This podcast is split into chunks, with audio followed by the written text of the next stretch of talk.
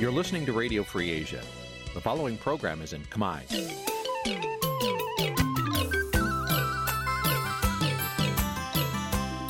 Nǐ chi càm bi tiệp xáy vệt chiu a zì sê ray នេះជាកម្មវិធីផ្សាយរបស់ Vithu Azisari ជាភាសាខ្មែរ វត្តឈូអាស៊ីសេរីសូមស្វាគមន៍លោកអ្នកនាងទាំងអស់ពីរដ្ឋធានី Washington នៃសហរដ្ឋអាមេរិក បាទពីរដ្ឋធានីវ៉ាស៊ីនតោនខ្ញុំបាទសនចាររថាសូមជម្រាបសួរលោកអ្នកនាងអ្នកស្ដាប់វិទ្យុអាស៊ីសេរីទាំងអស់ជាទីមេត្រីខ្ញុំបាទសូមជូនការផ្សាយសម្រាប់ព្រឹកថ្ងៃអង្គារ15កើតខែកដិកឆ្នាំខាលចត្វាស័កពុរសករាជ2566ត្រូវថ្ងៃទី8ខែវិច្ឆិកាគ្រិស្តសករាជ2022បានជាដំបូងនេះសូមអញ្ជើញលោកអ្នកនាងស្ដាប់ព័ត៌មានប្រចាំថ្ងៃដែលមានមេតិការដូចតទៅ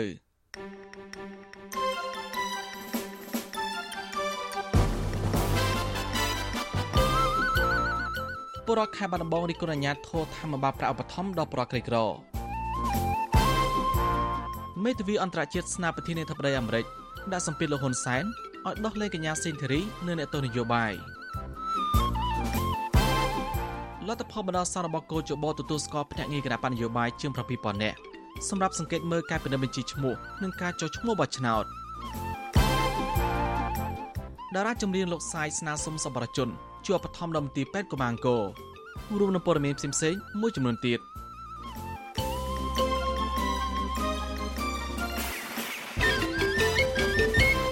បានជាបន្តទៅនេះខ្ញុំបាទសនចាររថាសូមជូនព័ត៌មានពិស្ដាពលរដ្ឋខេត្តបាត់ដំបងចរញ្ញាធមមូលដ្ឋានធម្មបាលប្រៅបឋមពីរដ្ឋាភិបាលជូនដល់ប្រកាសរយៈពេល5ខែមកហើយមន្ត្រីសង្គមស៊ីវិលយល់ថារដ្ឋាភិបាលនិងស្ថាប័នពាក់ព័ន្ធគួរពិនិត្យនិងស្រាវជ្រាវ ហើយដោះស្រាយបញ្ហានេះជូនដល់ពលរដ្ឋដល់ដំណាភាពហើយផ្ដន់ទាទោមន្ត្រីទាំងឡាយណាដែលកេងប្រវ័ញ្ចពលរដ្ឋក្រីក្រ បានពីរដ្ឋធានីវ៉ាស៊ីនតោនលោកមេរិតរាយការណ៍ព័ត៌មាននេះ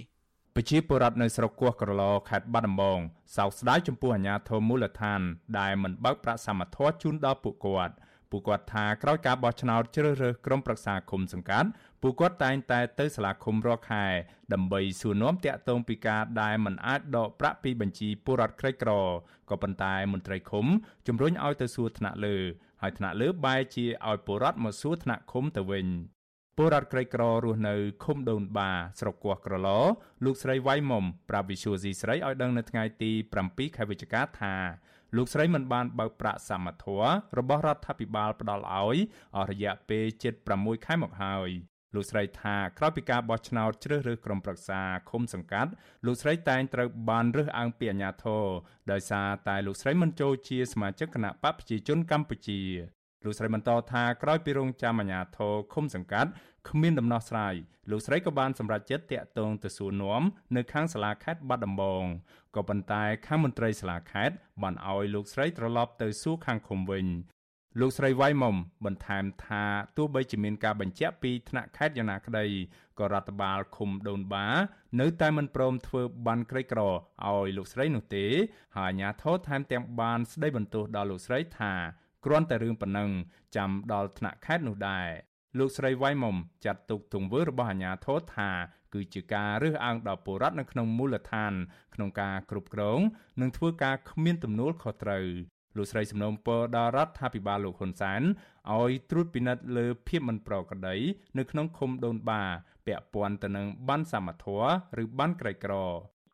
គាត់ថាបានហ្នឹងបើគាត់ធ្វើឲ្យខ្ញុំហើយខ្ញុំបាត់5រយៈពេល5ខែមកហើយហ្នឹងអា5ខែហ្នឹងបើអត់បានទេបើបានបានតែអាធ្វើថ្មីខ្ញុំអត់យកទេព្រោះឲ្យខ្ញុំបាត់5ខែហើយព្រោះឲ្យលុយហ្នឹងក៏វាច្រើនដែរបាត់5ខែខ្ញុំត្រូវការយកបានចាស់ដល់ពេលខាងអត់បានទេបើធ្វើធ្វើបានបានតាបានថ្មីតែចុះហេតុអីធ្វើបើកឥឡូវនេះបានចុះហេតុអីបានអាកន្លងមក5ខែកន្លងមកហ្នឹងហើយក៏បើកមិនបានដល់ពេលគាត់ថាអត់បានទេហើយក៏បន្ទោខ្ញុំឲ្យចាំដល់ស៊ូដល់នឹងទៅអីអញ្ចឹងបើខ្ញុំនិយាយថាហេតុអីបានបាត់ផងខ្ញុំបើអ្នកឯងធ្វើការនឹងដៃឆ្លើយថាមិនដឹងហើយគេនោះគេខាងលើគេថាអត់ដឹងដែរស្រដៀងគ្នានេះដែរពលរដ្ឋក្រីក្រម្នាក់រស់នៅឃុំដូនបាស្រុកគោះក្រឡលោកផុនម៉ៅលើកឡើងថាកាលពីមុនការបោះឆ្នោតជ្រើសរើសក្រុមប្រឹក្សាឃុំសង្កាត់អាជ្ញាធរមូលដ្ឋាន តែងប្រាប់លោកថាឲ្យបោះឆ្នោតឲ្យគណៈបកកណ្ដាលអំណាចហើយអាជ្ញាធរនឹងធ្វើបានក្រីក្រជូនលោក លោកថាក្រោយការបោះឆ្នោតជ្រើសរើសក្រុមប្រឹក្សាគុំសង្កាត់រួចលោកមិនអាចដកប្រាក់សមត្ថភាពបានឡើយហើយលោកក៏បានតាក់ទងទៅអាជ្ញាធរឃុំដែរតែគ្មានដំណោះស្រាយអ្វីឡើយមុនបោះឆ្នោតពីរឿងខ្ញុំថាបើបោះបោះគេទៅកុំកុំបោះណាបើបើបោះគេតែគេឈ្នះគេដកបានគេក្រហើយនឹងគេដកដីដល់ពេលបោះឆ្នោតរួច គេកាត់ខ្ញុំមែនអញ្ចឹងដល់កាត់រួចខ្ញុំខែទី1ខ្ញុំទៅសួរទៅសួរគេថាអត់ដឹងទេខ្ញុំមិនដឹងដែរដល់ខ្ញុំឡើងទៅគ្រប់5ខែគេថាគួរតែដឹងសួរយើងមិនមកគេកាត់អញ្ចឹងបានលើថាគេអឹងខ្ញុំមកគេថាដល់សួរគេទេគេថាមិនដឹងទេគ្នាលើកាត់ដល់ខ្ញុំដល់ខែថាអត់ដឹងផងឲ្យខំបើលេគេវិញអញ្ចឹងពជាពេលមក2ខែទៅអត់ដល់ខ្ញុំកន្លងមកប្រជាពលរដ្ឋក្រីក្រស្ទើរតែទូទាំងប្រទេសតែងលើកឡើងថាអាញាធរធ្វើបានក្រីក្រជូនពលរដ្ឋដោយគ្មានដំណាភិបនិងបពុនិយម ពលរដ្ឋមើលឃើញថាអាញាធរនៅតាមឃុំសង្កាត់មួយចំនួន ប្រព្រឹត្តអំពើពុករលួយ នៅក្នុងការធ្វើបានក្រីក្រ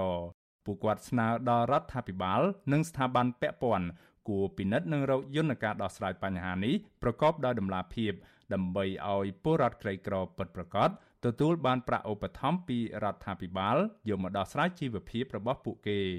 តកតងនៅរឿងនេះមេឃុំដូនបាលោកចិនសំអនប្រាវិសុយស៊ីស្រីថា លោកកំពុងដោះស្រាយបញ្ហានេះជូនពលរដ្ឋហើយហើយលោកថាបញ្ហានេះមិនមែនកើតឡើងតែនៅភូមិឆក់រកានោះឡើយលោកបន្តថាការដោះស្រាយបញ្ហានេះអាចប្រើរយៈពេលដល់ទៅ1ឆ្នាំទើបអាចបើកប្រាក់វិញបាន យើងមិនដឹងថាយ៉ាងម៉េចទេប៉ុន្តែយើងកំពុងតែធ្វើការដោះស្រាយជូនគាត់មិនមែនមានតែគាត់ទេការបាត់លេខកូដការបាត់លុយបាត់កាក់នឹងច្រើនណាស់តើបានបន្តទៅហើយអ្នកខ្លះដល់1ឆ្នាំណាអ្នកខ្លះដល់3ខែអញ្ចឹងណាអានឹងខ្លាយការអ្វីធុឬក៏ សួងពាក់ព័ន្ធនៅរឿងហ្នឹងគឺយ៉ាងម៉េចហ្នឹងខ្ញុំអត់ដឹងរឿងនេះការបាត់ការបងអាហ្នឹងខ្ញុំអត់ហ៊ានទទួលដឹងថាជាអ្វីទេប៉ុន្តែយើងនឹងធ្វើការដោះស្រាយជូនគាត់ត្រូវតែបានជុំវិញរឿងនេះមន្ត្រីសម្របសម្រួលសមាគមការពារសិទ្ធិមនុស្សអាត6ប្រចាំខេត្តបាត់ដំបងលោកយិនមេងលី លើកឡើងថាបានសមត្ថៈគឺជាគោលការណ៍របស់រដ្ឋាភិបាលដែលជាថវិការបស់រដ្ឋមិនមែនជាថវិការបស់គណៈបកនយោបាយណាមួយឡើយ លោកបន្តថាប្រសិនបើជាថវិការបស់គណៈបកនយោបាយគឺគេបែងចែកទៅតាមសាខារបស់គណៈបកមិនមែនបែងចែកទៅតាមរដ្ឋបាលឃុំសង្កាត់នោះឡើយលោកយិនមេងលីបន្តថាអាញាធរថ្នាក់ខេត្តបានដឹងឮពីបញ្ហានេះហើយហើយគួរតែពិនិត្យនិងរកពីមូលហេតុឲ្យបានច្បាស់លាស់ថាតើប្រាក់ខែចំនួន5ខែដែលបានបាត់បង់នោះនៅទើត្រឹមណា លោកយិនមេងលីបញ្ជាក់ថាបើគ្មានវិធានការផ្លូវច្បាប់ចំពោះអ្នកប្រព្រឹត្តខុសនោះទេនោះបញ្ហាដដែលនេះនឹងកើតមានឡើងជាបន្តបន្ទាប់ ប្រសិនបើរឿងនឹងវាជាការពិតអញ្ចឹងវាមានចូលរឿងមួយទៀតគឺអំពើពុករលួយនៅក្នុងហ្នឹងទី1វាជាការរើសអើងនិន្នាការនយោបាយដោយសារតែគាត់មាននិន្នាការគណៈបកផ្សេងទី2ការបាត់5ខែដែលគាត់កំពុងតែទៀមទីឲ្យបានឡើងវិញហ្នឹងវាជាអំពើពុករលួយ យើងត្រូវតែចំណាត់ការតាមផ្លូវច្បាប់អាជ្ញាធរអ្នកខែលោកត្រូវតែមានវិធានការប្រសិនបើយើងគ្រាន់តែថាឲ្យបើកបានសមធម៌ដំណើរការឡើងវិញហើយយើងមិនមានមានចំណាត់ការអីដោយសារតែអ្នកនោះជាគ្នាគ្នាយើង ជាបពពួកយើង បញ្ហានេះវានឹងកើតឡើងទៀតនៅតាមបណ្ដាឃុំស្រុកផ្សេងទៀតកន្លងមកអគ្គនាយកផែនការកាលពីចុងខែតុលាឲ្យដឹងថាគ្រួសារក្រីក្រដែលមានបានសមត្ថៈឬបានក្រីក្រត្រូវបានវាតម្លៃដោយអាជ្ញាធរមូលដ្ឋានរៀងរាល់3ខែម្ដង ដើម្បីពិនិត្យមើលថាតើពួកគេ នៅមានសិទ្ធិទទួលបានកម្មវិធីផ្ដល់បានសមត្ថៈដែរឬទេ ក៏ប៉ុន្តែចំនួនគ្រួសារដែលសមស្របតាមលក្ខខណ្ឌតម្រូវកំពុងកើនឡើងចំនួនជាង70ម៉ឺនគ្រួសារស្មើនឹងជិត3លាននាក់នៅទូទាំងប្រទេសខណៈរដ្ឋាភិបាលបានផ្ដល់សុខុមាលភាពសង្គមចំនួនជាង800លានដុល្លារគិតចាប់តាំងពីថ្ងៃទី24ខែមិថុនាឆ្នាំ2020ប្រជាពលរដ្ឋនិងមន្ត្រីសង្គមស៊ីវិលទទូចដល់រដ្ឋាភិបាលនិងស្ថាប័នពាក់ព័ន្ធ គួរពិចារណាឡើងវិញត្រួតពិនិត្យមើលភាពមិនប្រក្រតីក្នុងការផ្ដល់បានក្រីក្រ នៅតាមមូលដ្ឋាន ដើម្បីឲ្យពលរដ្ឋក្រីក្រពិតប្រាកដអាចទទួលបានការជួយសង្គ្រោះពីរដ្ឋាភិបាលនិងចាត់វិធានការដល់មន្ត្រីខលខូចនៅតាមមូលដ្ឋានឲ្យបានធ្ងន់ធ្ងរស្របតាមផ្លូវច្បាប់ខ្ញុំបាទមេរិត Visual C ស្រីរាយការណ៍ពីរដ្ឋធានី Washington បានលោកនាងជាទីមត្រី នៅខេត្តបាត់ដំបងនេះដែរ ពលរដ្ឋច្រើនអ្នកនាំគ្នានេសាទត្រីនៅទំនប់ទឹកសាឡាតអនក្នុងស្ទឹងសង្កែក្រមយុវជនបារម្ភពីការធ្លាក់ចុះទិន្នផលត្រីនៅឆ្នាំបន្ទាប់ដោយសារពលរដ្ឋខ្លះប្រើឧបករណ៍នេសាទខុសច្បាប់មន្ត្រីសង្គមស៊ីវិលស្នើញាត់ធោជលផលចុះពិនិត្យឲ្យអប់រំដល់ប្រជាពលរដ្ឋឲ្យយល់ដឹងពីការនេសាទដែលត្រឹមត្រូវដើម្បីជៀសវាងការនេសាទដែលធ្វើត្រីកាន់តែខ្សត់ទៅបានពីរដ្ឋធានីវ៉ាស៊ីនតោនអ្នកស្រីសុជីវីរាយការណ៍ព័ត៌មាននេះទំនប់សាឡាតាអននៅលើស្ទឹងសង្កែក្នុងស្រុកឯកភ្នំខេត្តបាត់ដំបង ធ្លាប់ជាកន្លែងដើរកំសាន្តលំហែពេលនេះបានក្លាយជាទីផ្សារលក់ត្រីស្រស់មានសភាពអ៊ូអរបន្ទាប់ពីប្រជាពលរដ្ឋនាំគ្នាមកនេសាទនៅក្នុងបរិវេណទំនប់នេះបន្ទាប់ពីទិន្នផលត្រីឡើងខ្ពស់កាលពីសប្តាហ៍មុនពលរដ្ឋម្នាក់រស់នៅភូមិសំរោងក្នុងស្រុកឯកភ្នំលោករីសីហាប្រាប់វិទ្យុអាស៊ីសេរីនៅថ្ងៃទី7ខែវិច្ឆិកាថាលោកនេសាទត្រី នៅទំនប់សាឡាតាអនជាមួយអ្នកភូមិដតីទៀត បន្ទាប់ពីមានការផ្អើលតតគ្នាថា ទីនោះសម្បូរត្រី លោកបន្តថាលោកអាចរកត្រីប្រមាណពី50ទៅ60គីឡូក្រាមនៅក្នុងមួយថ្ងៃនិងលក់ទៅឲ្យអតិថិជន ដែលកំពុងរងចាំទិញត្រីនៅលើខ្នងទំនប់នោះបានជាង100000រៀលទោះយ៉ាងនេះក្តីលោកអះអាងថា មានអ្នកនេសាទខ្លះបានលួចប្រើឧបករណ៍នេសាទខុសច្បាប់ ដូចជាស្បៃអ៊ុយនិងអួនក្រឡាញឹកលោកថាការប្រើឧបករណ៍នេសាទខុសច្បាប់នេះនេសាទត្រីបានទាំងតូចទាំងធំ ចន្លោះពីជាង500គីឡូក្រាមទៅ1តោននៅក្នុងមួយថ្ងៃ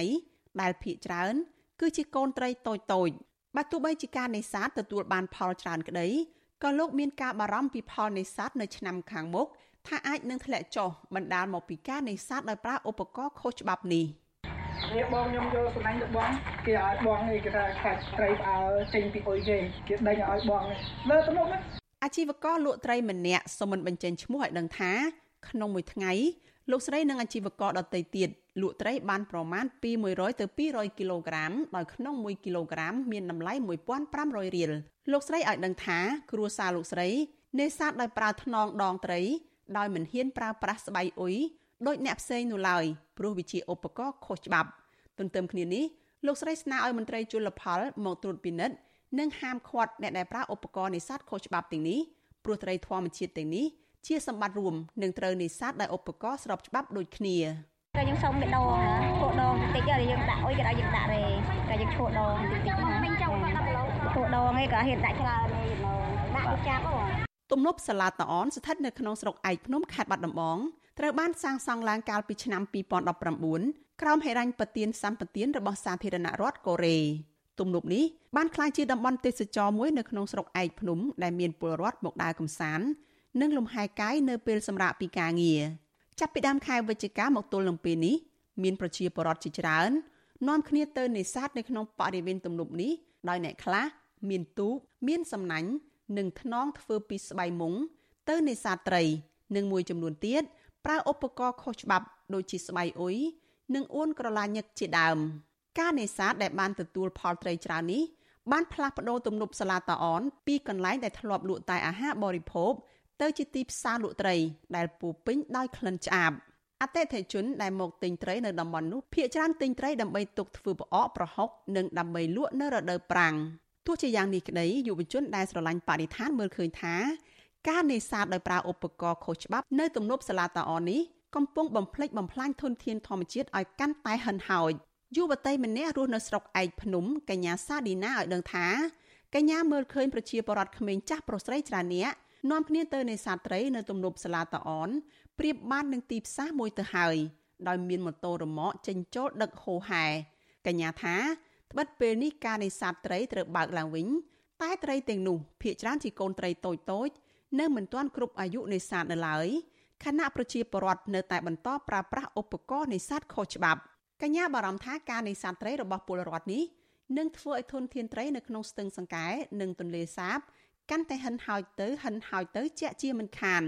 ជាធម្មតាខែនេះគឺគេបើកឲ្យនេសាទហើយក៏ប៉ុន្តែនៅមានការនេសាទខុសច្បាប់មួយចំនួនដូចជាការឆក់ការដាក់អុយឬក៏របស់ប្រើប្រាស់សម្រាប់នេសាទផ្សេងផ្សេងទៀតដែលគេហាមឃាត់ក៏ប៉ុន្តែនៅតែមានប្រជាជនប្រើប្រាស់ធម្មតា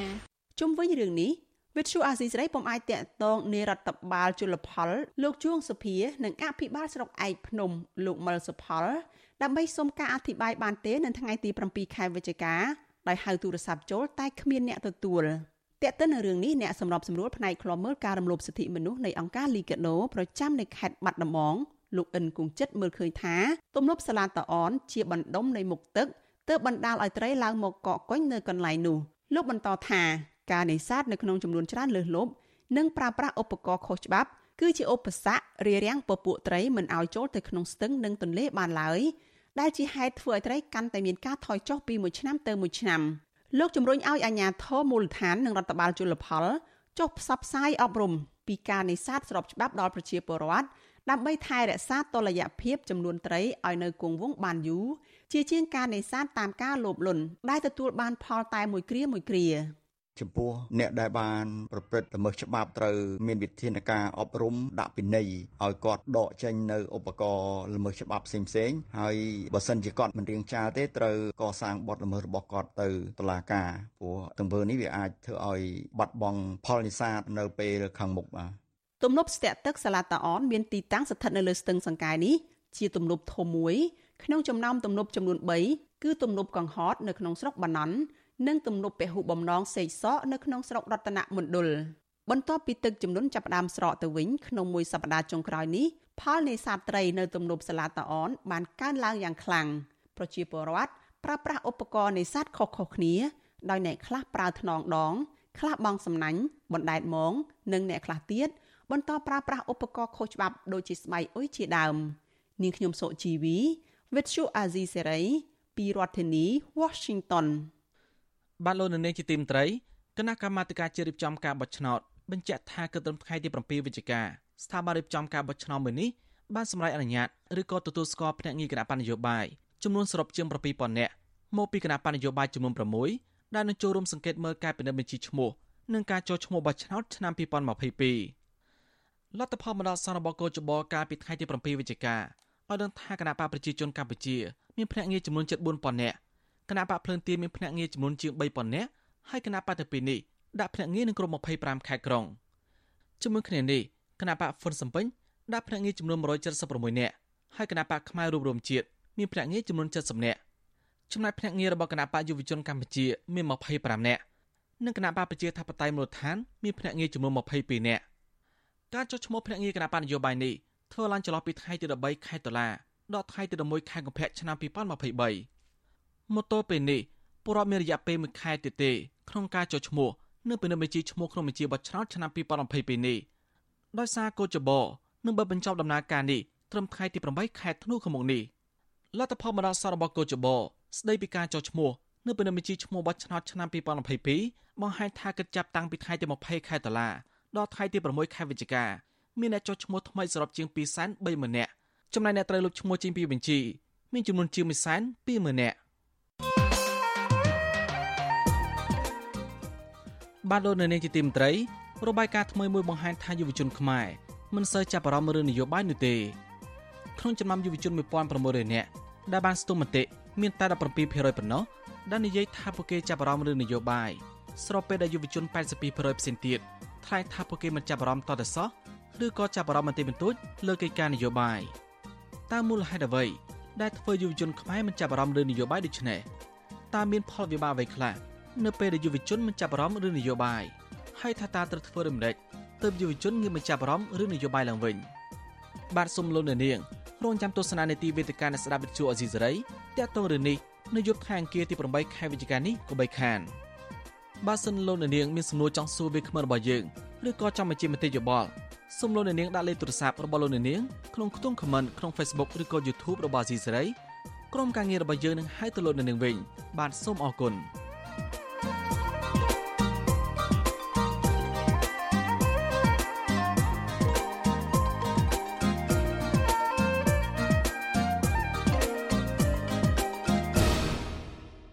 បាទលោកនៅនឹងជាទីមត្រី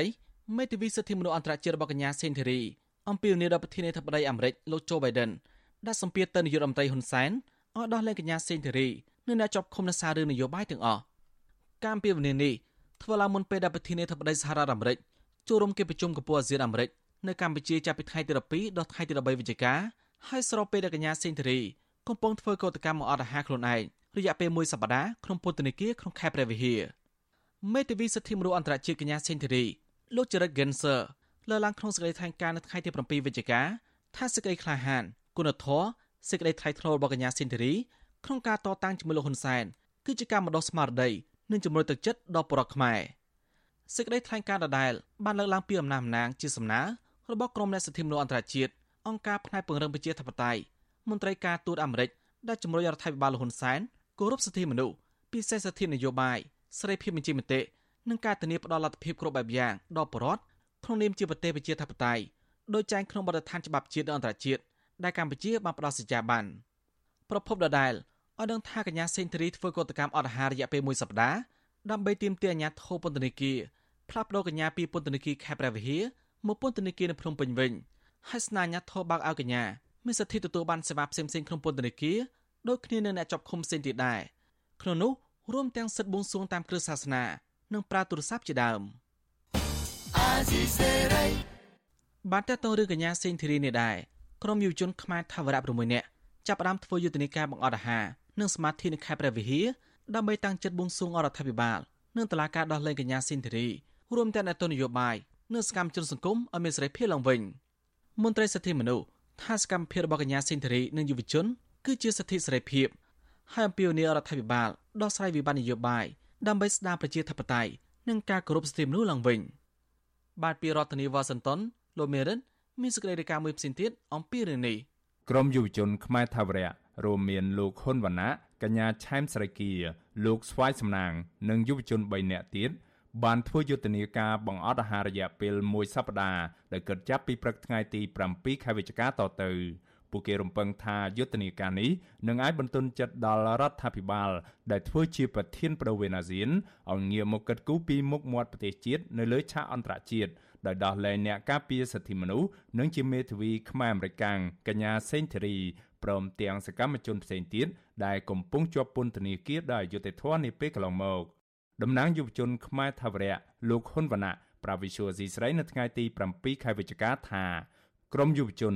បានស្ម័គ្រចិត្តធ្វើកតកម្មបង្អត់អាហារនិងក្បាលចងកន្សែងពណ៌ខ្មៅអុជធូបភាវនាវធម៌រយៈពេល7ថ្ងៃនៅតំបន់ព្រៃដាច់ស្រយាលមួយកន្លែងនៅក្នុងខេត្តព្រះវិហារលោកបួងសួងសុំឲ្យកញ្ញាសេងធីរីទទួលបានសេចក្តីសុខនិងជាផុតពីការបៀតបៀនផ្សេងៗនៅក្នុងពន្ធនាគារ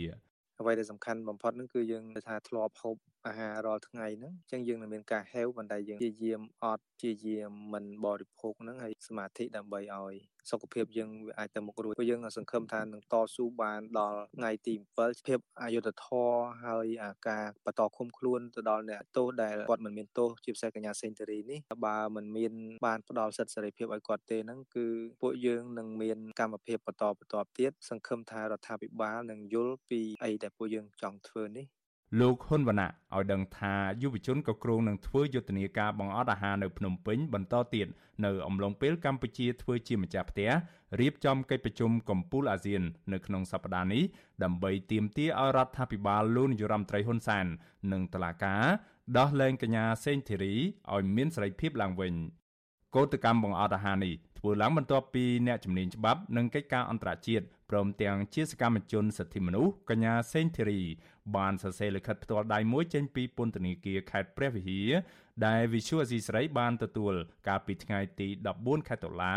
បង្ហាញថាកញ្ញាធ្វើកោតកម្មបង្អត់អាហារនៅក្នុងពន្ធនាគារនេះគឺចាប់ពីថ្ងៃទី7ដល់ថ្ងៃទី14ខែវិច្ឆិកាប្រសិនបើតុលាការមិនព្រមដោះលែងឲ្យកញ្ញាមានសេរីភាពដោយគ្មានលក្ខខណ្ឌនោះទេ កញ្ញាបន្តថាបើទោះបីជារូបកញ្ញាត្រូវតឡាការដោះលែងឲ្យមានសេរីភាពឡើងវិញក្តីក៏កញ្ញានៅតែមិនចាក់ចេញពីប្រទេសកម្ពុជាដែរលុះត្រាណាតែប្រទេសកម្ពុជា ផ្លាស់ប្ដូរមេដឹកនាំដោយសន្តិវិធី ដែលមានអ្នកដឹកនាំជាអ្នកប្រជាធិបតេយ្យទើបកញ្ញាចាក់ចេញពីកម្ពុជា Visual C ស្រីមិនអាចតាក់ទងแนะនាំពីអគ្គនាយកដ្ឋានពន្ធនាគារនៃក្រសួងមហាផ្ទៃលោកនុតសាវណ្ណា ដើម្បីបញ្ជាក់ជុំវិញរឿងនេះបាននៅឡើយទេនៅថ្ងៃទី7ខែវិច្ឆិកាក៏ប៉ុន្តែលោកនុតសាវណ្ណាធ្លាប់លើកឡើងថាការធ្វើយុទ្ធនាការរបស់កញ្ញាសេងធីរីនិងក្រុមយុវជនមិនអាចជំរុញឲ្យតឡាការដោះលែងកញ្ញាពីពន្ធនាគារបានឡើយ ទោះជាយ៉ាងណាយុវជនខ្មែរថាវរៈម្នាក់ទៀតគឺកញ្ញាឆែមស្រីគីលើកឡើងថាការដែលកញ្ញានាំគ្នាធ្វើពហិការបង្អត់អាហារជាមួយកញ្ញាសេងធីរីនេះពីព្រោះក្រុមយុវជនចង់ប្រាប់ទៅរដ្ឋាភិបាលលោកនាយរដ្ឋមន្ត្រីហ៊ុនសែនថាការចាប់ខ្លួនសកម្មជនសិទ្ធិមនុស្សនិងសិទ្ធិនយោបាយដាក់ពន្ធនាគារដោយគ្មានកំហុស គឺជារឿងមិនត្រឹមត្រូវនិងជាការឈឺចាប់សម្រាប់យុវជនខ្មែរដែលពួកគាត់មិនអាចឈរអោបដៃមើលចំពោះអំពើអយុត្តិធម៌នៅក្នុងសង្គមទាំងនេះបានទេយុវជនសង្គមរូបនេះយល់ថាអាញាធរដ្ឋាភិបាលត្រូវតែយកចិត្តទុកដាក់លើទុកកង្វល់និងសំណើរបស់កញ្ញាសេងធីរីព្រមទាំងក្រមយុវជនទៅដោះស្រាយឲ្យបានត្រឹមត្រូវការខំខ្លួនបងសេនធីរីជាង5ខែកន្លងមកនេះសម្រាប់ខ្ញុំផ្ទាល់គាត់ថា វាគឺជារឿងអយុត្តិធម៌មួយដែលសារតែគាត់បានលះបង់ច្រើនមែនទែនដើម្បីកម្ពុជាការលះបង់របស់គាត់គឺសកម្មជនយើងមិនឈរអបដៃមើលទេពួកយើងនឹងចូលរួមជាមួយគាត់ទោះបីបានតែបន្តិចបន្តួចក្តីក៏ដោយខ្ញុំសង្ឃឹមថានឹងមានដំណោះស្រាយនៅក្នុងរឿងនេះហើយខ្ញុំក៏សង្ឃឹមថានឹងមានការដោះលែងបងសេងធីរីបន្ទាប់ពីប្រជុំអាស៊ានរួច ជុំវិញរឿងនេះនាយកទទួលបន្ទុកកិច្ចការទូតនៃអង្គការសិទ្ធិមនុស្សលីកាដូលោកអំសំអាត មានប្រសាសន៍ថាសកម្មភាពធ្វើកោតកម្មរបស់ក្រមយុវជនខ្មែរថាវរៈនិងកញ្ញាសេងធីរីបែបនេះគឺជាការតស៊ូមតិស្វែងរកយុត្តិធម៌ពីព្រោះពួកគេយល់ថាការឃុំខ្លួន និងការចោទប្រកាន់កញ្ញាសេងធីរី គឺមិនត្រឹមត្រូវ និងរំលោភបំពានសិទ្ធិសេរីភាព លោកអំសំអាតបារម្ភពីសុខភាពរបស់យុវជន និងកញ្ញាសេងធីរីប្រសិនបើកោតកម្មនេះមានរយៈពេលយូរថ្ងៃនោះលោកអំពីវនីវដល់រដ្ឋាភិបាលឲ្យងាកមកស្ដារបញ្ហាសិទ្ធិមនុស្សនិងលទ្ធិប្រជាធិបតេយ្យឡើងវិញដោយអ្នកនយោបាយគ្រប់ភាគីគួរវិលមកចូលតុចរចាដោះស្រាយវិបត្តិនយោបាយហើយដោះលែងកញ្ញាសេងធីរី និងអ្នកជាប់ឃុំដោយសាររឿងនយោបាយដទៃទៀតដើម្បីបញ្ជៀសនឹងការរិះគន់និងទណ្ឌកម្មនានាពីសហគមន៍អន្តរជាតិ ការបង្អត់អាហារនេះវាជាការតស៊ូមតិមួយហើយអ្វីដែលយុវជនខ្មែរថាវរៈនឹងលោកគិតថាដើម្បីភាពយុត្តិធម៌នៅក្នុងសង្គមហើយនឹងជាការតស៊ូមតិដើម្បីឲ្យមានការដោះលែងទៅលើសកម្មជនការពារសិទ្ធិមនុស្សសកម្មជនបដិឋានឬក៏សកម្មជននយោបាយដែលការចោទប្រកាន់និងការឃុំខ្លួននឹងមិនមានហេតុផលសំស្របនិងសំរុំដែលចាត់ទុកថាជាការរំលោភបំពានទៅលើសេរីភាពមូលដ្ឋានរបស់ពួកគាត់ សមាជិកក្រុងភ្នំពេញបានចាប់ខ្លួនកញ្ញាសេងធីរីកាលពីថ្ងៃទី14ខែមិថុនានៅខាងមុខតុលាការក្រុងភ្នំពេញក្រោយតុលាការប្រកាសសារក្រមកាត់ទោសឲ្យកញ្ញា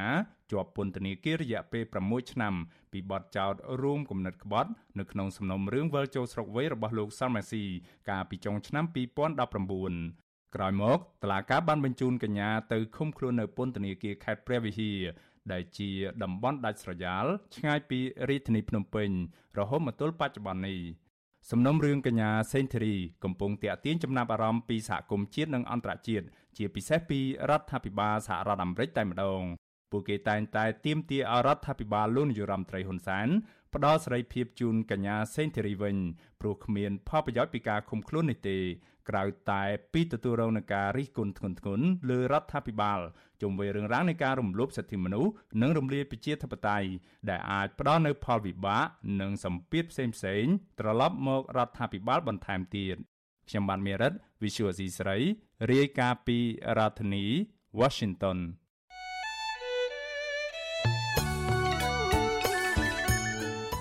បានលោកនាងជាទីមត្រីនៅក្នុងឱកាសនេះដែរខ្ញុំបានសូមថ្លែងអំណរគុណដល់លោកនាងកញ្ញាទាំងអស់ដែលតែងតែមានភក្ដីភាពចំពោះការផ្សាយរបស់យើងហើយចាត់ទុកការស្ដាប់វិទ្យុអាស៊ីសេរីជាផ្នែកមួយនៃសកម្មភាពប្រចាំថ្ងៃរបស់លោកនាងការគ្រប់គ្រងរបស់លោកនាងនេះហើយដែលធ្វើឲ្យយើងខ្ញុំមានទឹកចិត្តកាន់តែខ្លាំងបន្ថែមទៀតនៅក្នុងការស្វែងរកនិងផ្តល់ព័ត៌មានជូនលោកនាងមានអ្នកស្ដាប់អ្នកទស្សនាកាន់តែច្រើនកាន់តែធ្វើឲ្យយើងខ្ញុំមានភាពស្វាហាប់មោះមុតជាបន្តទៅទៀត យើងខ្ញុំសូមអរគុណទុកជាមុនហើយសូមអញ្ជើញលោកនាងចូលរួមជំរុញសកម្មភាពផ្តល់ព័ត៌មានរបស់យើងនេះកាន់តែជោគជ័យបន្ថែមទៀតលោកនាងអាចជួយយើងខ្ញុំបានដោយគ្រាន់តែចុចចែករំលែកឬ Share ការផ្សាយរបស់យើងនៅលើបណ្ដាញសង្គម Facebook និង YouTube ទៅកាន់មិត្តភ័ក្តិដើម្បីឲ្យការផ្សាយរបស់យើងបានទៅដល់មនុស្សកាន់តែច្រើន បាទសូមអរគុណ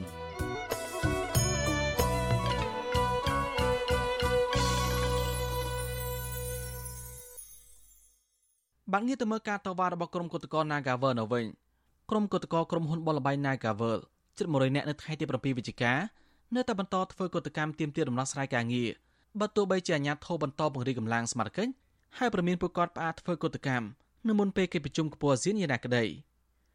មន្ត្រីសហជីពថាការប្រមានមកដល់កម្មករតវ៉ាអំឡុងពេលមានកិច្ចប្រជុំខ្ពស់អាស៊ាននេះដោយសារខារដ្ឋាភិបាលខ្លាយរងភៀវអាម៉ាស់គណៈរដ្ឋាភិបាលគ្មានសមត្ថភាពដោះស្រាយវិវាទការងាររ៉ាំរ៉ៃនេះ បានពីរដ្ឋធានីវ៉ាស៊ីនតោនលោកនៅវណ្ណរិនរាយការណ៍ព័ត៌មាននេះតំណាងគឧតកោក្រុមហ៊ុនបនលបែង Nagavel លើកឡើងថាជំហរនិងឆន្ទៈរបស់ក្រុមគឧតកោនឹងគ្មានការប្រែប្រួលឡើយក្រុមគឧតកោថាពួកគាត់នៅតែបន្តចេញធ្វើកោតកម្មគ្រប់កលៈទេសៈដើម្បីឲ្យថៅកែ Nagavel ចេញមកទទួលខុសត្រូវចំពោះការរំលោភសិទ្ធិកម្មករខ្មែរនិងពន្លឿនការរកដំណោះស្រាយបញ្ចប់វិវាទការងារនេះឲ្យបានឆាប់ តំណាងគឧតកោលោកស្រីមុំសវត្តិនប្រាប់វិទ្យុអាស៊ីសេរីកាលពីថ្ងៃទី7ខែវិច្ឆិកាថាក្រុមគឧតកោនឹងមិនបញ្ឈប់ធ្វើកោតកម្មឡើយដរាបណាថៅកែក្រុមហ៊ុននិងរដ្ឋាភិបាលគ្មានភាពច្បាស់លាស់ក្នុងការរកដំណោះស្រាយជូនកម្មករ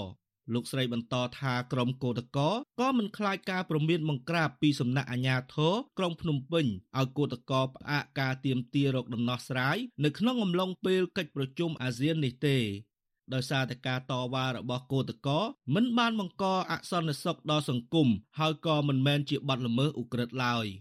។បើសិន ជាមិនចង់ឲ្យមានរូបភាពកោតកម្មដោះស្រាយឲ្យពួកយើងដែលអាចទទួលយកបានទៅកុំព្យាយាមឲ្យយើងតែទៅយកលុយដើម្បីបញ្ចប់រឿងអញ្ចឹងហើយចោតចោតទៅខាងកោតកោហើយចុះមិនមិនចោតទៅខាងតកែណាកាវើលផងឬក៏តកែណាកាវើលមានអ្នកណានៅពីក្រោយខ្នងឬក៏ខាងរដ្ឋតលចង់ឲ្យណាកាវើលកំតិចសហជីពឯករាជ្យនឹងបានឬក៏ណាកាវើលនឹងយកករណីណាកាវើលនឹងដើម្បីធ្វើជាគំរូកុំឲ្យមានសហជីពទេនឹងហ៊ានតវ៉ាដោយសហជីពណាកាវើលតែគួបងកំពុងតវ៉ាហ្នឹងគឧតកោនៅតែបន្តធ្វើកោតកម្មដោយសន្តិវិធី ពួកគាត់នាំគ្នាវាយស្គរផ្លុំកញ្ចែនៅខាងមុខក្រុមហ៊ុនទៀមទាឲ្យថៅកែចេញមុខដោះស្រាយបញ្ចប់វិវាទការងារនេះ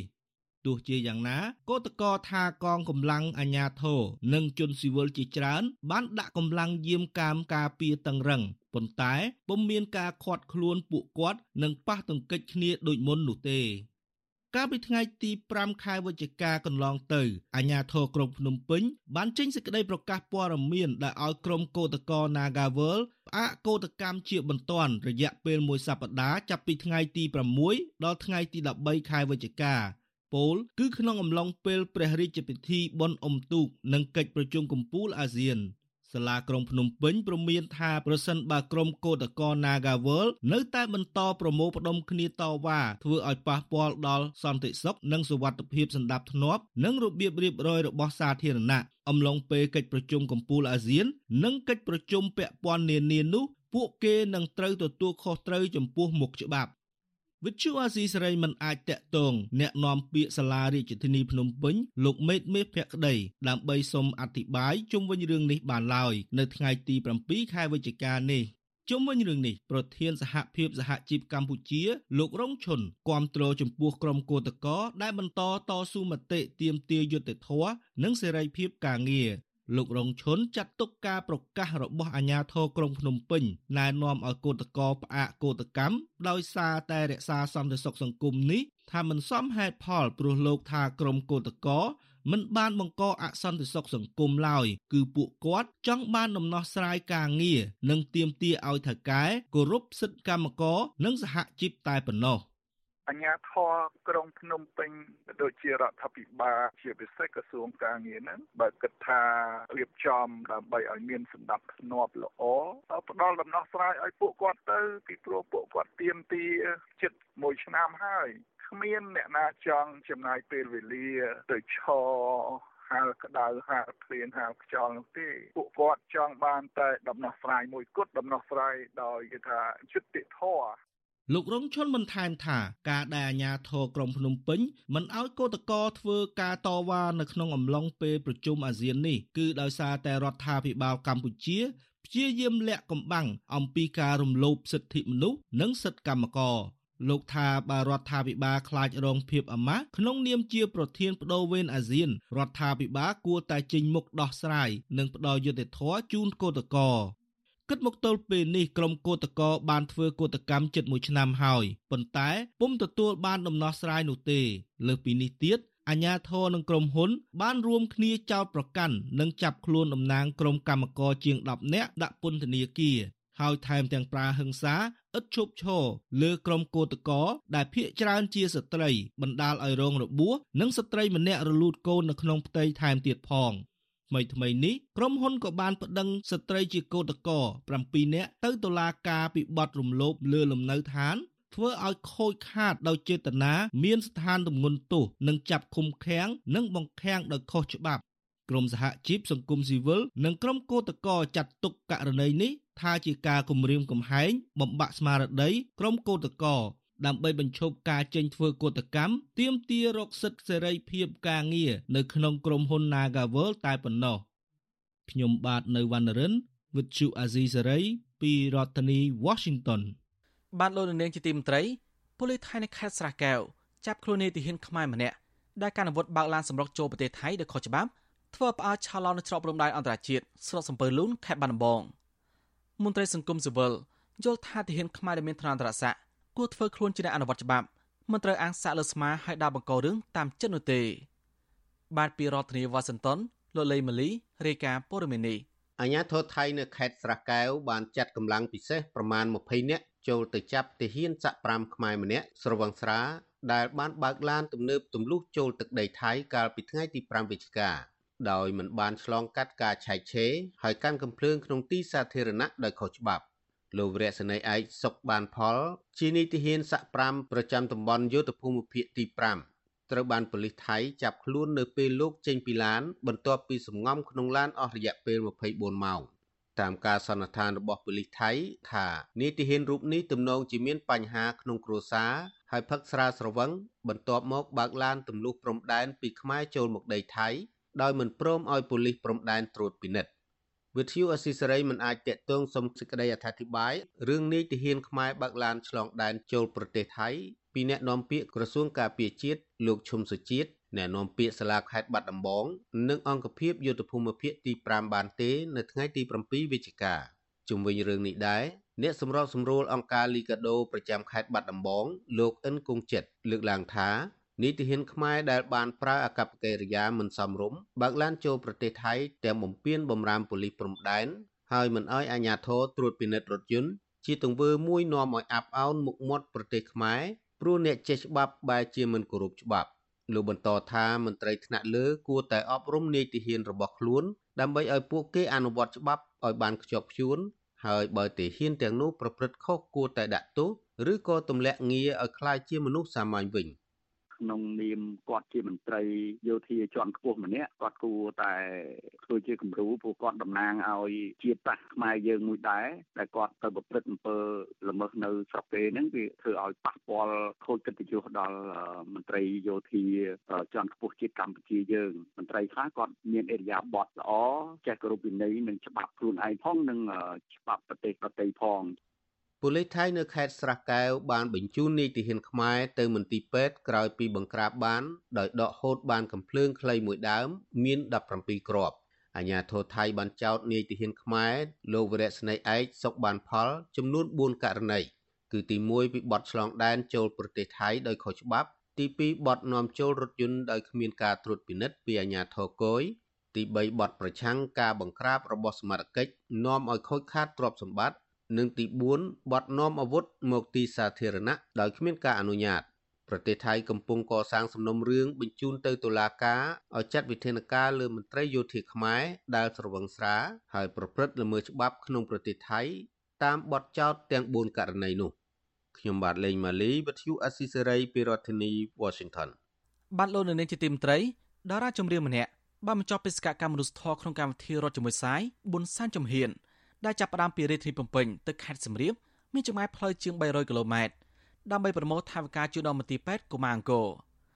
តាមរយៈបេសកកម្មនេះគឺត្រឹមថ្ងៃទី7វិច្ឆិកាមន្ទីរពេទ្យកុមារអង្គរទទួលបានថវិកាពីសប្បុរសជន120,000ដុល្លារតារាចម្រៀងដែលជាម្ចាស់ស្នាដៃបទថ្មីលោកអ៊ូនបឋមហៅសាយប្រាវិទ្យាអេស៊ីសរ៉ៃថ្ងៃទី7វិច្ឆិកាថាគោលបំណងបេសកកម្មមនុស្សធម៌នេះដើម្បីបញ្ញាអារម្មណ៍របស់មហាជន ឲ្យចាប់អារម្មណ៍ពីតម្រូវការនិងបញ្ហាប្រឈមរបស់មន្ទីរពេទ្យកុមារអង្គរដែលទទួលព្យាបាលកុមារដែលឥតគិតថ្លៃលោកបញ្ជាក់ថាក្រោយពីពិភពលោកជួបវិបត្តិ COVID-19 ឆ្នាំ2020មន្ទីរពេទ្យនេះជួបបញ្ហាខ្វះខាតច្រើនដែលតម្រូវមានការចូលរួមពីសប្បុរសជនគ្រប់បញ្ញដ្ឋានដើម្បីសង្គ្រោះកុមារកម្ពុជា។ ពេលដែលពិភពលោកយើងប៉ះជាមួយនឹងជំងឺ Covid-19 ហ្នឹងចំនួនផ្សេងផ្សេងហើយនឹងសន្តាគារនៅក្នុងខេត្តសៀមរាបហ្នឹងគឺត្រូវបានផ្អាកត្រូវបានបិទអញ្ចឹងបិទពេលអញ្ចឹងប្រាក់ចំណូល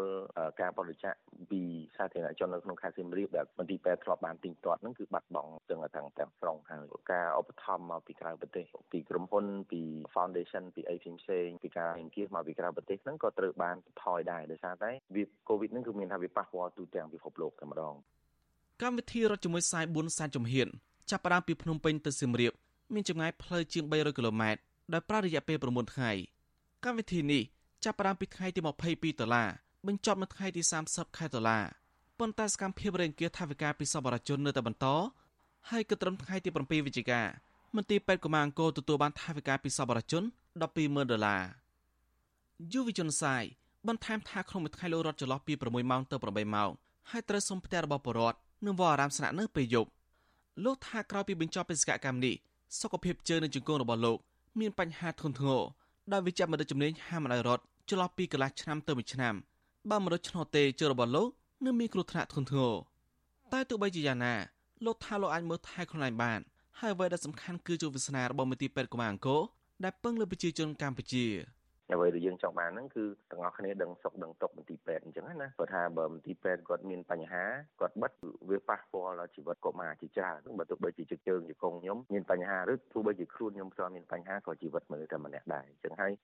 មីសេចមួយហ្នឹងដែលយើងចង់យើងចង់ផ្ញើទៅសាធារណជនណាថាវាសំខាន់មែនទែនដែលយើងនឹងទាំងអស់គ្នាហ្នឹងត្រូវអបអរសាទនឹងជួយមន្ទីរពេទ្យកាលពីឆ្នាំ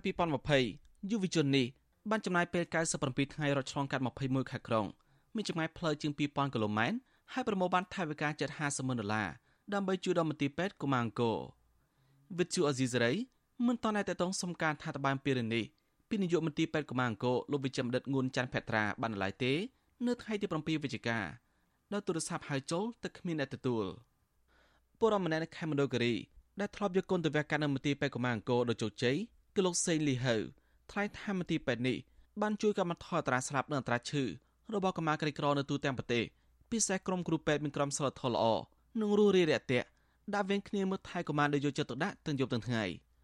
លោកកតសរសើរតារាចម្រៀងរូបនេះលះបង់កម្លាំងកាយចិត្តសង្គ្រោះកុមារកម្ពុជា មានទំនុកចិត្តក្នុងការយកកូនទៅព្យាបាលដោយសារគ្រូពេទ្យយកចិត្តទុកដាក់មើលអស់ពីចិត្តហ្មងនិយាយទៅមើលមួយយប់ហ្មងទាំងយប់ទាំងថ្ងៃអញ្ចឹងដាក់វេនគ្នាមើលអញ្ចឹងណាដោយមិនមានមិនមានការធ្វើប្រហែលទេហ្នឹងហើយគ្រប់គ្រប់កុមារទាំងអស់ដែលយកទៅមើលនៅមន្ទីរពេទ្យហ្នឹងទទួលបានសេវាព្យាបាលយកចិត្តទុកដាក់ពីលោកគ្រូពេទ្យអ្នកគ្រូពេទ្យហ្នឹងគឺដូចដូចគ្នាទាំងអស់តាមដានតាមពេលវេលាកំណត់ទៀងម៉ោងទៀងពេលអីចឹងណាអាសាមកមើលអាសាមកតាមដានក្មេងៗហ្នឹងណាបច្ចុប្បន្នមន្ទីរពេទ្យត្រូវការថវិកាចំនួន30ម៉ឺនដុល្លារ សម្រាប់ទ្រទ្រង់ផ្នែកជំងឺមហារីករយៈពេលពេញមួយឆ្នាំហើយមន្ទីរពេទ្យនេះបានចំណាយថវិកាមូលនិធិប្រមាណ50ម៉ឺនដុល្លារក្នុងមួយខែមួយខែសម្រាប់បំពេញតម្រូវការមន្ទីរពេទ្យកុមារអង្គរមានទីតាំងនៅក្រុងសៀមរាបខេត្តសៀមរាបបង្កើតឡើងនៅអ្នកថតរូបជនជាតិជប៉ុនម្នាក់ឈ្មោះ Kenro Isu កាលពីអំឡុងឆ្នាំ1999មន្ទីរពេទ្យនេះព្យាបាលជំងឺស្រាលធ្ងន់ព្រមទាំងវះកាត់បេះដូងជួយសង្គ្រោះកុមារកម្ពុជាទូទាំងប្រទេសដោយក្នុងមួយថ្ងៃមួយថ្ងៃមានកុមារចន្លោះពី300ទៅ500នាក់ មកទទួលសេវាព្យាបាលដែលគិតថ្លៃ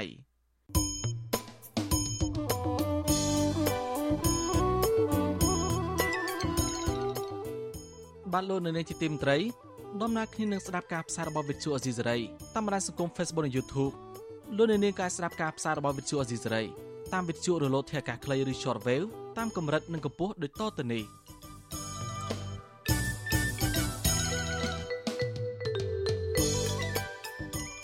ពេលព្រឹកចាប់ពីម៉ោង5កន្លះដល់ម៉ោង6កន្លះតាមរយៈរលកធាតុអាកាសខ្លី9.39 MHz ឬស្មើនឹងកម្ពស់ 32m និង11.85 MHz ឬស្មើនឹងកម្ពស់ 25m ពេលយប់ចាប់ពីម៉ោង7កន្លះដល់ម៉ោង8កន្លះតាមរយៈរលកធាតុអាកាសខ្លី9.39 MHz ឬស្មើនឹងកម្ពស់ 32m ឬ15.15 MHz ស្មើនឹងកម្ពស់ 20m និង11.88 MHz ស្មើនឹងកម្ពស់ 20m បាទសូមអរគុណ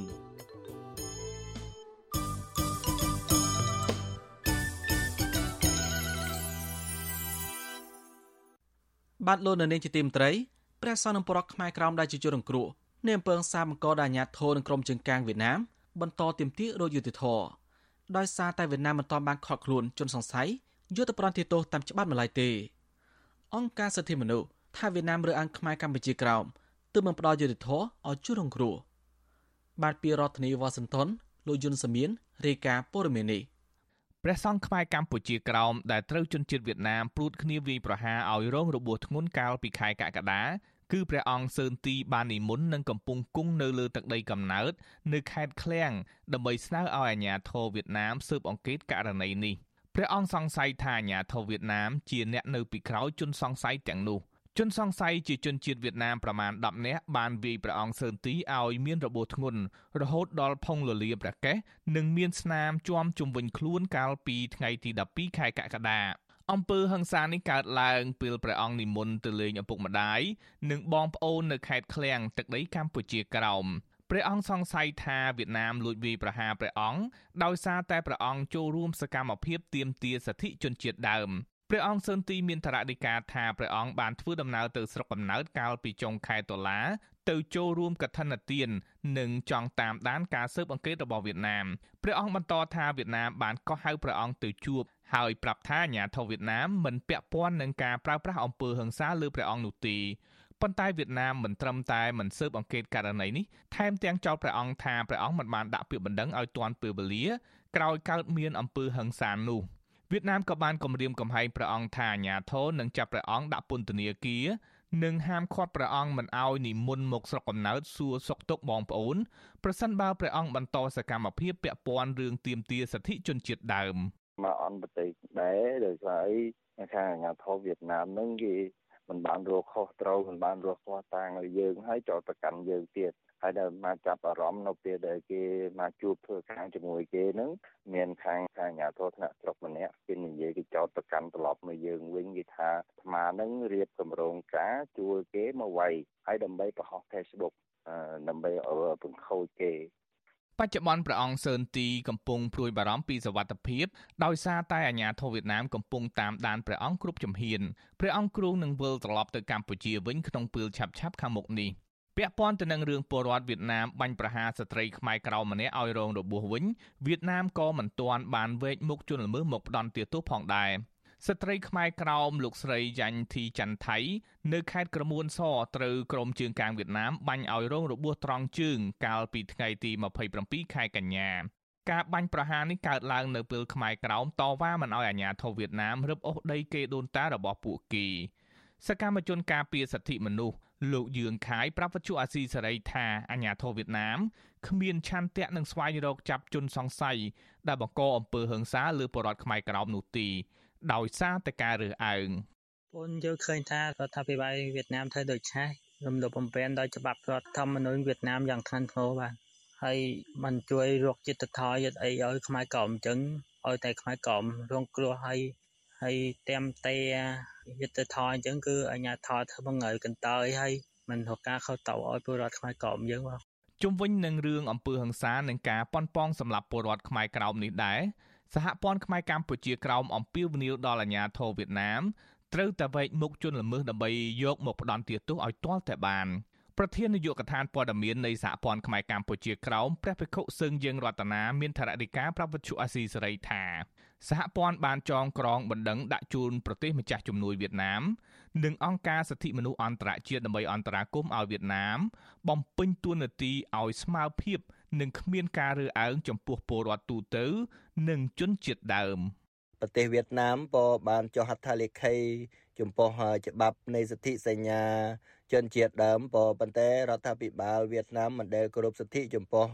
ជនជាតិដើមខ្មែរក្រមរស់នៅលើទឹកដីកម្ពុជាក្រមទេពឲ្យតែបរដ្ឋខ្មែរក្រមក្រោកឈរតស៊ូមតិទាមទារនៅសិទ្ធិសេរីភាពចំពោះខ្លួនគឺត្រូវបានអាជ្ញាធរវៀតណាមកោះហៅទៅសួរចម្លើយជាដើមបនេះជាទង្វើមួយដែលរដ្ឋាភិបាលវៀតណាមតែងតែភូតផលចំពោះសហគមន៍អន្តរជាតិប សហព័ន្ធខ្មែរកម្ពុជាក្រោមក៏ធ្លាប់បានថ្កោលទោសរដ្ឋាភិបាលវៀតណាមដែលបានប្រើប្រាស់នយោបាយសងសឹកខ្មែរក្រោមដែលហ៊ានទាមទារសិទ្ធិជនជាតិដើមវៀតណាមបានកោះហៅយុវជនខ្មែរក្រោមទៅគម្រាមកំហែងដោយសារតែពួកគេប្រពខួប15ឆ្នាំនៃទិវាសេចក្តីប្រកាសស្តីពីសិទ្ធិជនជាតិដើម សហព័ន្ធថាទង្វើរបស់វៀតណាមនេះផ្ទុយទៅនឹងការបដិញ្ញាចិត្តរបស់វៀតណាមចំពោះមុខសមាជិកអង្គការសហប្រជាជាតិដែលថា វៀតណាមនឹងលើកកម្ពស់វិស័យសិទ្ធិមនុស្សមហាសន្និបាតអង្គការសហប្រជាជាតិកាលពីថ្ងៃអង្គារទី11ដុល្លារបានបោះឆ្នោតទទួលយកវៀតណាមជាសមាជិកថ្មីនៃក្រុមប្រឹក្សាសិទ្ធិមនុស្សបើទោះបីអង្គការសិទ្ធិមនុស្សអន្តរជាតិមួយចំនួន បានអំពាវនាវឲ្យតំណាងប្រទេសជាសមាជិកអង្គការសហប្រជាជាតិកុំបោះឆ្នោតគាំទ្រវៀតណាមក្តីវៀតណាមនឹងធ្វើជាសមាជិកក្រុមប្រឹក្សាសិទ្ធិមនុស្សរបស់អង្គការសហប្រជាជាតិសម្រាប់អាណត្តិ3ឆ្នាំពីឆ្នាំ2023 ដល់ឆ្នាំ2025ខ្ញុំយុនសាមៀនវិទ្យុអាស៊ីសេរីប្រធានាធិបតី Washington បាទលោកនៅនាងជាទីមត្រីរបាយការណ៍ថ្មីមួយបង្ហាញថាយុវជនខ្មែរមិនសូវចាប់អារម្មណ៍រឿងនយោបាយនោះទេក្នុងចំណោមយុវជន1600នាក់ដែលបានស្ទុះមតិមានតែ17%ប៉ុណ្ណោះដែលនិយាយថាពួកគេចាប់អារម្មណ៍រឿងនយោបាយស្របពេលដែលយុវជន82%ផ្សេងទៀតថ្លែងថាពួកគេមិនចាប់អារម្មណ៍តទៅសោះ ឬក៏ចាប់អារម្មណ៍បន្តិចបន្តួចលើកិច្ចការនយោបាយតើមូលហេតុអ្វីដែលធ្វើយុវជនខ្មែរមិនចាប់អារម្មណ៍រឿងនយោបាយដូចនេះតើមានផលវិបាកអ្វីខ្លះនៅពេលដែលយុវជនមិនចាប់អារម្មណ៍រឿងនយោបាយហើយថាតើត្រូវធ្វើដូចម្តេចទើបយុវជនងាកមកចាប់អារម្មណ៍រឿងនយោបាយឡើងវិញបាទសូមលោកអ្នកនាងរងចាំទស្សនានាទីវេទិកានៃស្ដាប់វិទ្យុអេស៊ីសេរីតាក់ទងរឿងនេះនៅយប់ខែអង្គារទី8ខែវិច្ឆិកានេះក៏បីខានបើសិនលោកអ្នកនាងមានសំណួរចង់សួរវាគ្មិនរបស់យើងឬក៏ចង់បញ្ជាមតិយោបល់ សូមលោកអ្នកនាងដាក់លេខទូរស័ព្ទរបស់លោកអ្នកនាងក្នុងខ្ទង់ comment ក្នុង Facebook ឬក៏ YouTube របស់អេស៊ីសេរីក្រុមការងាររបស់យើងនឹងហៅទៅលោកអ្នកនាងវិញបាទសូមអរគុណ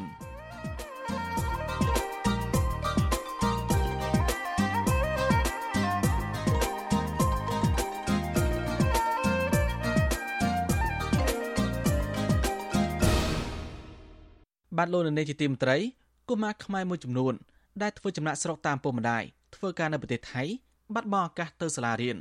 ដោយសារពុកម្ដាយទៅនេះរវល់ធ្វើការងាររកប្រាក់ដោះស្រាយជីវភាពគ្រួសារមន្ត្រីសង្គមស៊ីវិលយល់ថាពុកម្ដាយនឹងនាំកូនមកនៅជាមួយពេលគាត់ធ្វើការនៅប្រទេសថៃមានប្រមាណ40%ក្នុងចំណោមពលករខ្មែរចំណាក់ស្រុកហើយកុមារទៅនេះភ័យច្រើនមិនបានរៀនសូត្រនោះទេ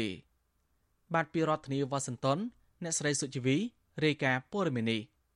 កុមារខ្មែរដែលមិនបានចូលសាលារៀនតែងទៅតាមឪពុកម្ដាយនៅកន្លែងធ្វើការហើយពួកគេ តែងនាំគ្នារត់លេងទាំងក្រុមទាំងក្រុមនៅក្បែរការដ្ឋានទាំងនោះមានដូចជានៅទីប្រជុំជន ផ្សារបន្លែ ផ្សារផ្លែឈើផ្សារត្រីសាច់កន្លែងការដ្ឋានសំណង់ជាដើមកុមារទាំងនោះមានអាយុចន្លោះពី6ទៅ13ឆ្នាំក្នុងនោះមានកុមារខ្លះបានជួយធ្វើការឪពុកម្ដាយរបស់ពួកគេនៅតាមការដ្ឋានទាំងនោះផង ដូចជាជួយវេចខ្ចប់ផ្លែឈើបន្លែច្រកដាក់ថង់ឬជួយលក់ដូរលាងចានឆ្នាំង នៅពេលឪពុកម្ដាយរបស់ពួកគេរវល់ធ្វើការងារពលករខ្មែរម្នាក់លក់ម្ហូបអាហារបន្តិចបន្តួចនៅខ្លួនឯងនៅតាមមាត់ព្រែកក្បែរផ្សារថៃនៅខេត្តបឋមធានីមានស្រុកកំណើតនៅខេត្តបាត់ដំបងលោកផុនម៉ៅប្រាប់វិទ្យុអាស៊ីសេរីថាលោកមកធ្វើការនៅក្នុងប្រទេសថៃបាន5ឆ្នាំហើយដោយជីវភាពខ្វះខាតលោកប្រឹងប្រែងតែធ្វើការរកប្រាក់ចិញ្ចឹមជីវិតដោយមិនបានគិតគូរពីការរៀនសូត្ររបស់កូន និងមិនបាននាំកូនទៅរៀននោះទេ លោកចង់ឲ្យកូនចូលរៀនដែរតែមិនដឹងទៅតាក់ទងអ្នកណាឲ្យកូនចូលរៀនហើយក៏ចេះតែអូសបន្លាយពេលមកដល់ពេលឥឡូវនេះលោកបន្តថាលោកធ្លាប់គិតពីអនាគតរបស់កូនលោកដែរថាបើសិនជាកូនលោកគ្មានចំណេះដឹងក្នុងខ្លួនទៅថ្ងៃអនាគតនោះពួកគេនឹងស៊ីឈ្នួលលក់កម្លាំងពលកម្មលំបាកវេទនាដោយលោកជាក់ជាមិនខាន។ បាទរោបួររោសាលាវិរៀនមិនដឹងរោយណាពិបាកអញ្ចឹងវានឹងតាក់ទងតាមណាយើងមិនទៅដឹងទាំងចៅទាំងក្មួយទាំងកូនវា56នាក់បាទបានចូលសាលាទេនេះ4ឆ្នាំ5ឆ្នាំហើយថ្ងៃសិលមិញសិលមួយថ្ងៃហ្នឹងក៏មានអង្គការណាទេខ្ញុំមិនទៅដឹងដែរអង្គការហ្នឹងគេថាចាំយកទៅចុះឈ្មោះឲ្យគាត់ថាឆ្នាំក្រោយណាទៀតនោះពលករខ្មែររូបនេះឲ្យដឹងទៀតថានៅក្នុងគ្រួសារលោករាប់ទាំងកូនទាំងចៅនិងក្មួយទាំងអស់មាន6នាក់ សុទ្ធតែមិនបានទៅសាលារៀនហើយលោកមិនអាចទុកកូនទុកក្មួយឲ្យរៀននៅស្រុកខ្មែរបានទេដោយសារតែគ្មានអ្នកមើលថែព្រោះឪពុកម្ដាយលោកមានវ័យចាស់អស់ទៅហើយលោកបន្តថាមានកុមារខ្មែរប្រមាណ100នាក់នៅតំបន់ផ្សារដែលលោកលក់ដូរនេះគ្មានឱកាសទៅសាលារៀនព្រោះឪពុកម្ដាយរបស់ពួកគេខ្វះឯកសារគ្រប់គ្រាន់ដើម្បីនាំកូនទៅរៀនស្រដៀងគ្នានេះដែរពលករខ្មែរម្នាក់ទៀតរស់នៅប្រទេសថៃ3ឆ្នាំមកពីស្រុកអន្លង់វែងខេត្តឧត្តរមានជ័យ លោកឈៀងចន្ទថនប្រាប់ថានៅតំបន់ដែលលោកធ្វើការមានកុមារអាយុចាប់ពី8ឆ្នាំដល់13ឆ្នាំបានទៅជួយធ្វើការងារឪពុកម្ដាយរបស់ពួកគេនៅតាមផ្សារឬក៏ធ្វើការនៅមុខបន្ទប់ជួលតែម្ដងដោយពួកគេប្រលេះតងម្ទេសក្នុង10គីឡូក្រាមទទួលបានប្រាក់50បាត ស្មើនឹង1ដុល្លារកន្លះហើយក្មេងទាំងនោះមិនបានទៅរៀនសូត្រទេលោកបន្តថាពីមុនលោកក៏មិនបានខ្វាយខ្វល់ជូនកូនទៅរៀនដែរ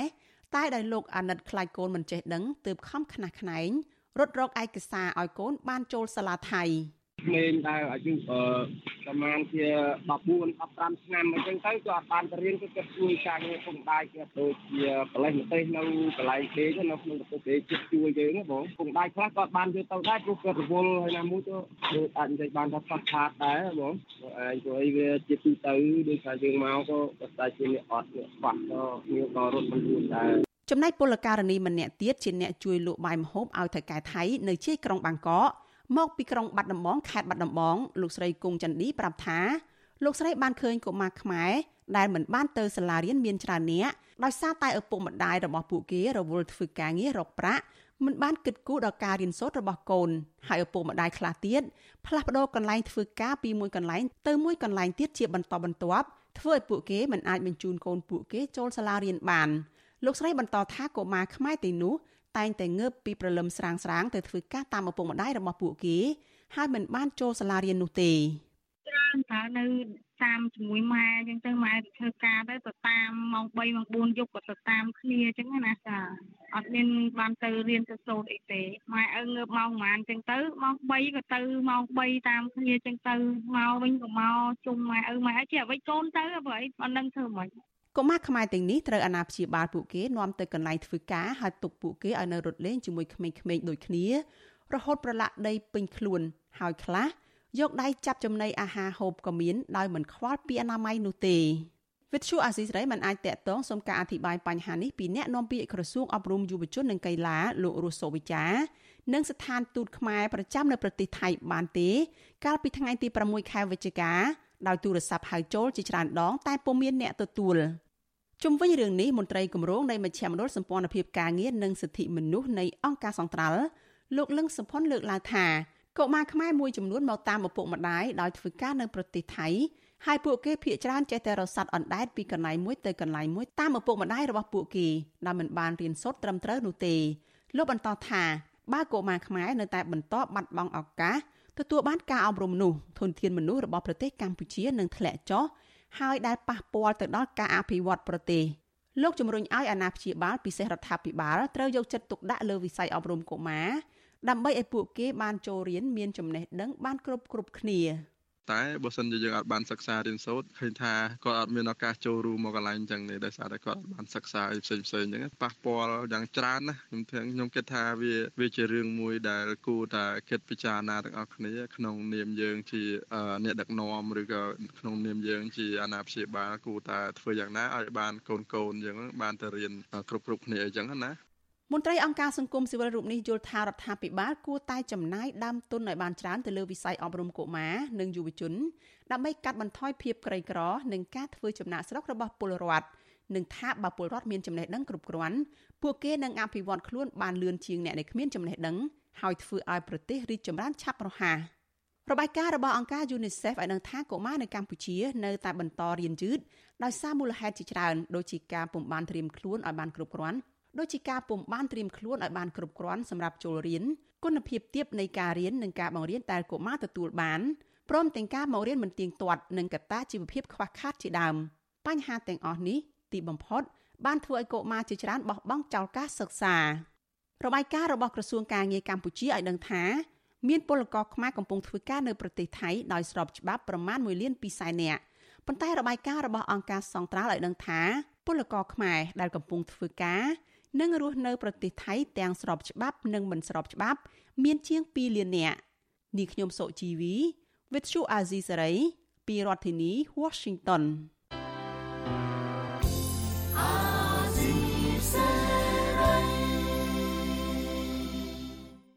បានលោកនាងកញ្ញាអ្នកស្ដាប់វិទ្យុអេស៊ីសរ៉ៃជាទីមេត្រីការផ្សាយរយៈពេល1ម៉ោងនៃវិទ្យុអេស៊ីសរ៉ៃនៅពេលនេះចប់តែប៉ុណ្ណេះយើងខ្ញុំសូមជូនពរដល់លោកនាងព្រមទាំងក្រុមគ្រួសារទាំងអស់ ឲ្យជួបប្រកបតែនឹងសេចក្តីសុខចម្រើនរុងរឿងកុំបីឃ្លៀងឃ្លាតឡើយខ្ញុំបាទសនចាររថាព្រមទាំងក្រុមការងារទាំងអស់នៃវិទ្យុអាស៊ីសេរីសូមអគុណនិងសូមជម្រាបលា